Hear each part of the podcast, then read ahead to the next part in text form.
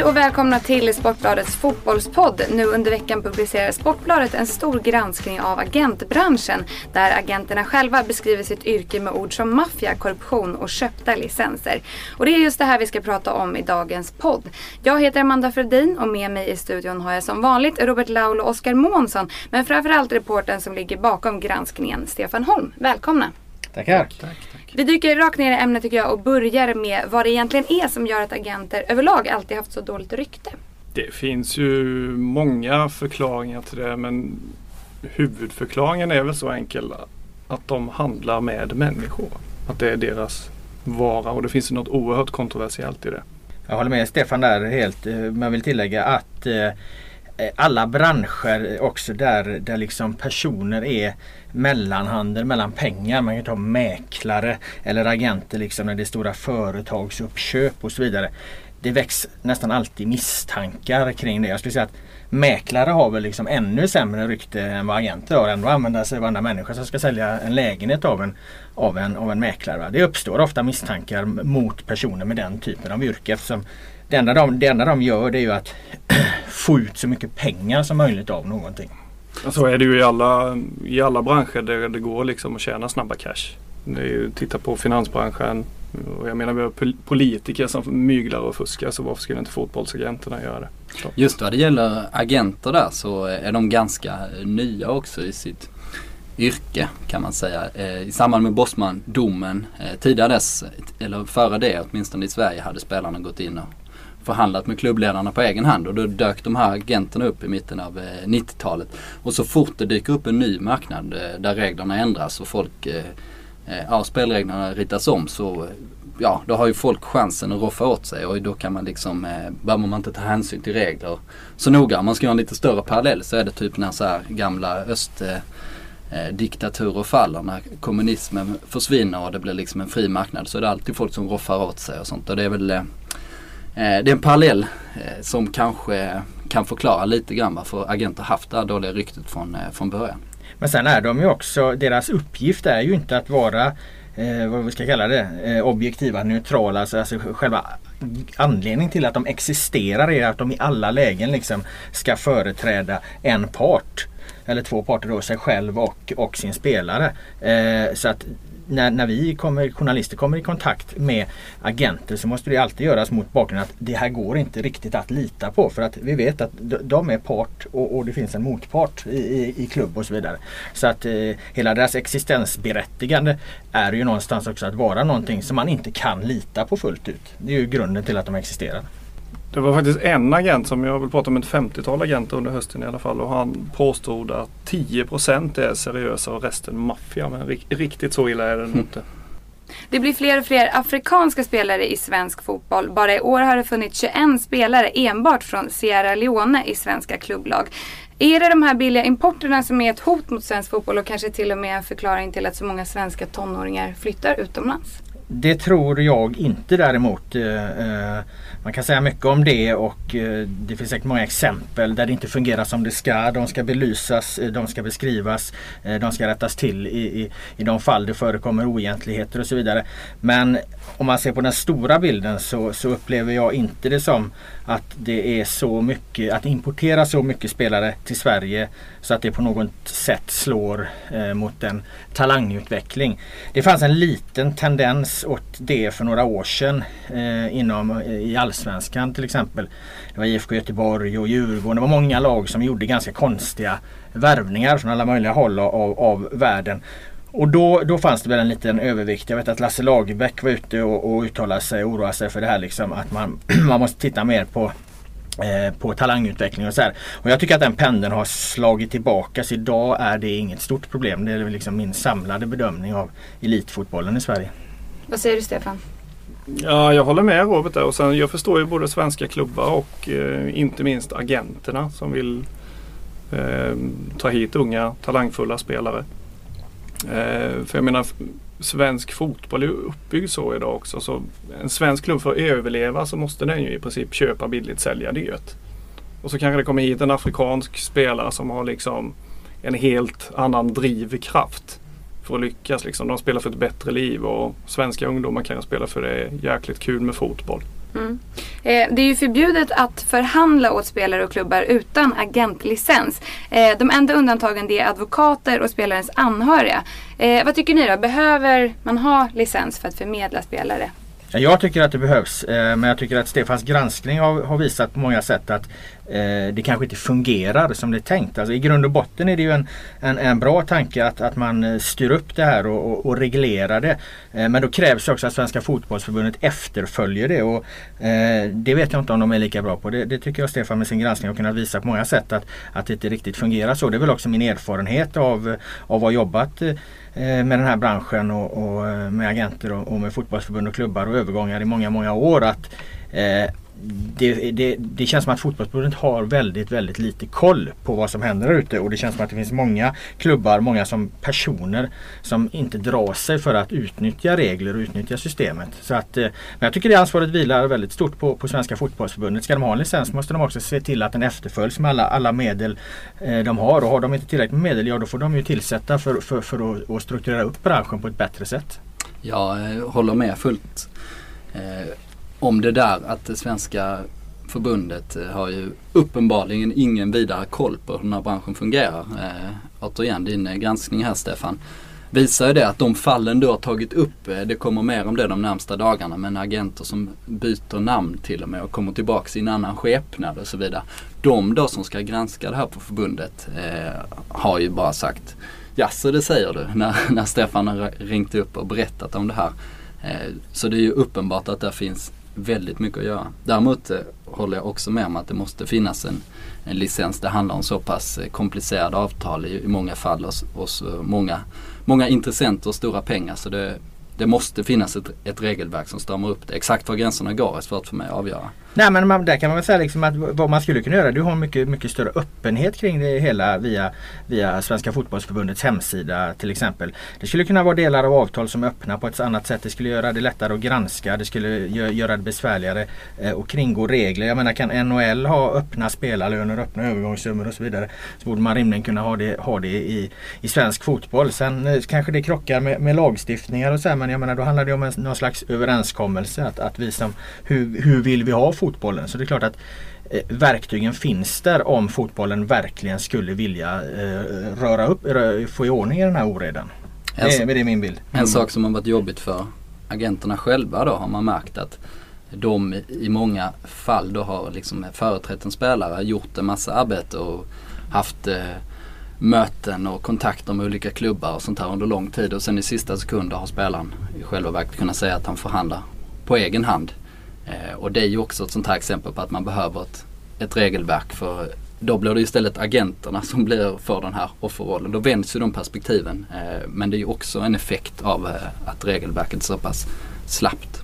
Det behövs ju en licens för att Fifa och förbundet ska kunna kasta ut de oseriösa. Men utan en fungerande tillsynsenhet så fyller den ju ingen funktion. För det är väl svårt som ung spelare att förstå innebörden av en agentlicens eller inte? Ja det är väl mer eller mindre omöjligt för, för att kräva att spelarna ska ha full koll, koll på det här. För det, det, det är ju en, en, komplicerad värld. Men det är ju återigen det är ju fotbollsförbundets ansvar. Eh, och inte bara svenska då utan det, de internationella och europeiska fotbollsförbunden.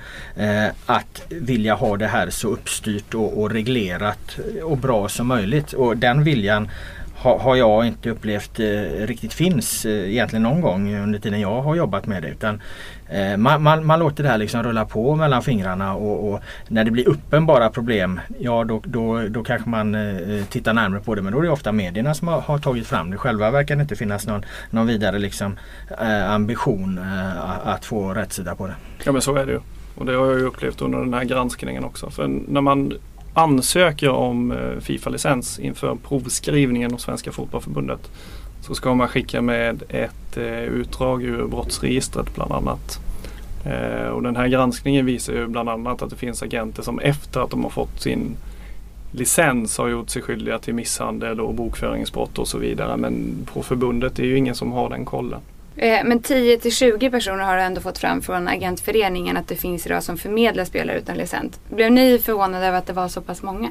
Inte, inte alls kan jag säga med tanke på att jag då som eh, fotbollsreporter, jag skriver mycket om nyheter och mycket om spelarövergångar och sånt här. Så jag blev inte ett dugg överraskad när det är 10-20 för jag har nog pratat med varenda en av de här 10 till 20. Det dyker upp eh, nya namn hela tiden. Och eh, man förstår ganska snabbt att eh, det är rätt många av de här som är väldigt, väldigt oseriösa. Som lovar saker till sina, till sina spelare. Ofta då unga killar som, som inte har koll på helhetsläget.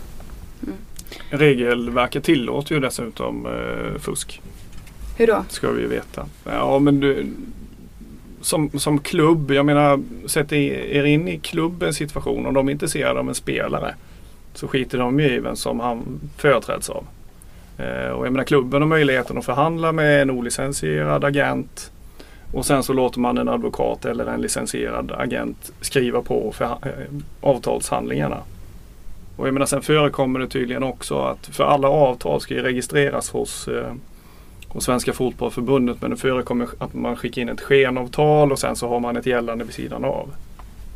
Det, du har inte mött på många som har ifrågasatt eh, din roll här när du har gått ut och spelat agent. Blev du förvånad av det tillmötesgåendet?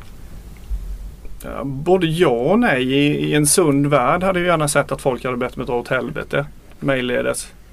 Eh, men det gjorde de ju inte. Och sen, men det berättar ju samtidigt väldigt mycket om situationen i Afrika. Mm.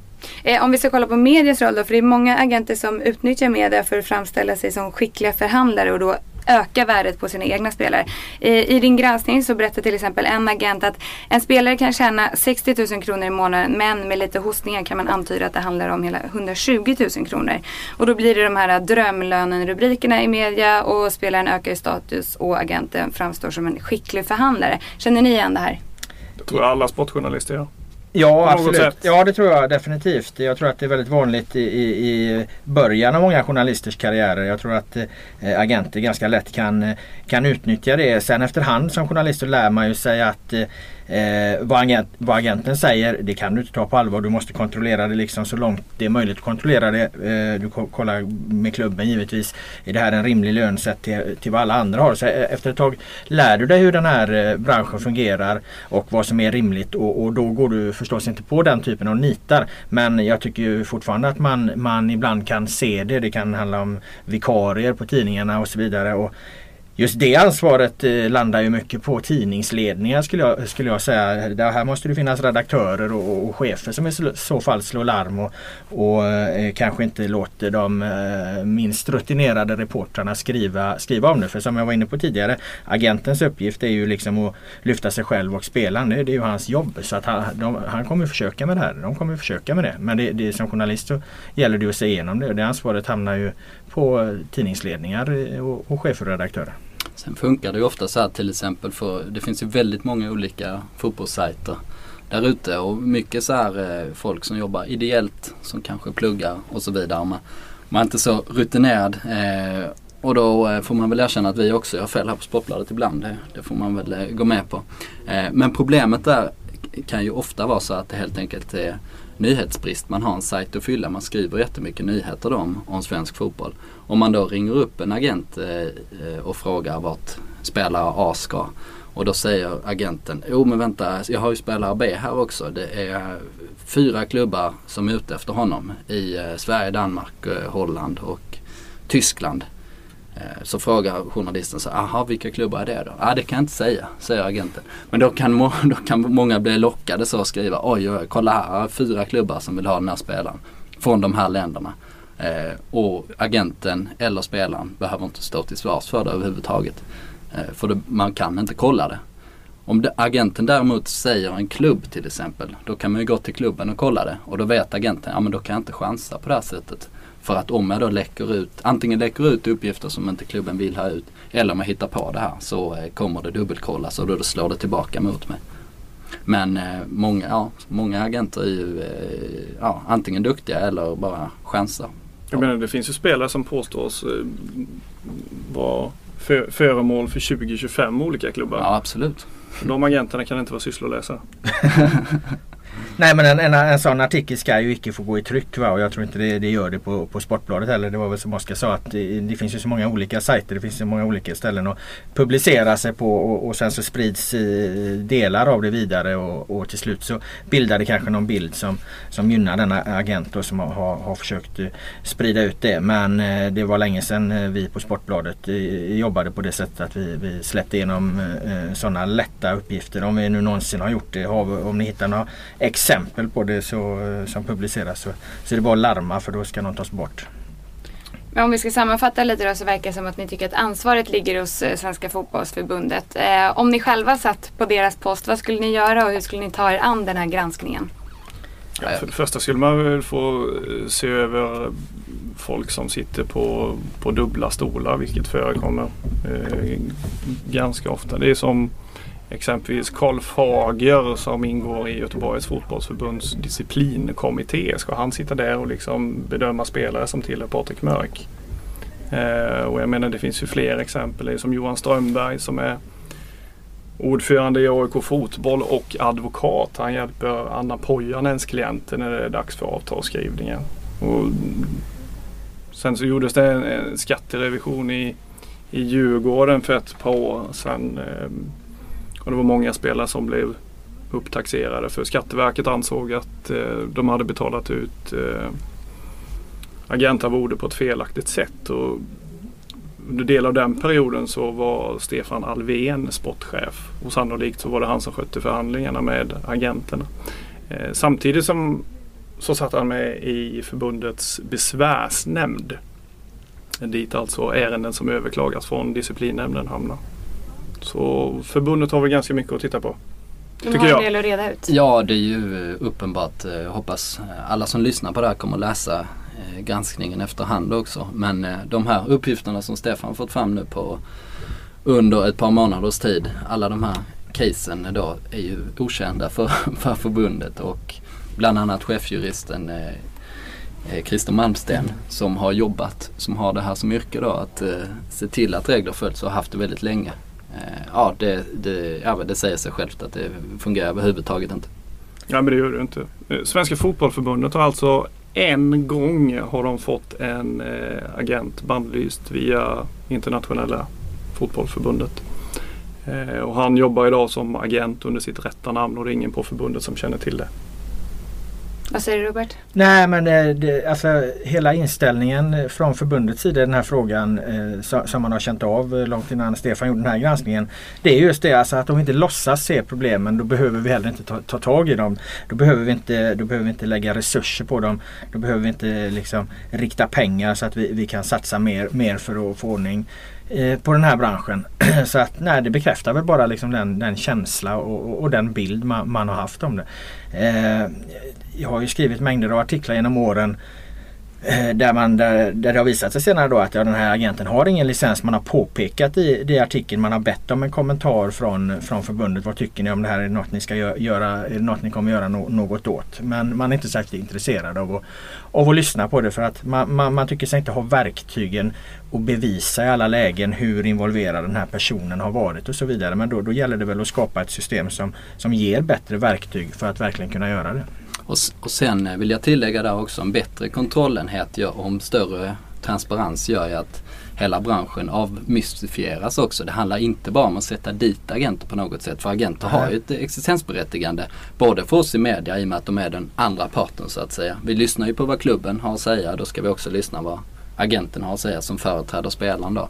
Eh, och de har ju en viktig funktion då i svensk fotboll för att göra det här på ett bra sätt. Men eh, återigen, det är ju regler och öppenhet så hade eh, Stefans granskning, eh, han hade inte, allt, hade inte blivit lika bra kan man väl säga. Nej men absolut. I, en, I en sund fotbollsvärld så hade ju förbundet gjort den här granskningen. Mm. Men, ja. men så är det ju. Alltså det är väl någonstans viktigt att påpeka också att agenterna fyller ett syfte. Eh, det tydligaste exemplet är väl, är väl Zlatan som eh, ju har hamnat i en livslång vad det verkar konflikt med, med Hasse Borg då som var sportchef i Malmö när Zlatan såldes från Malmö.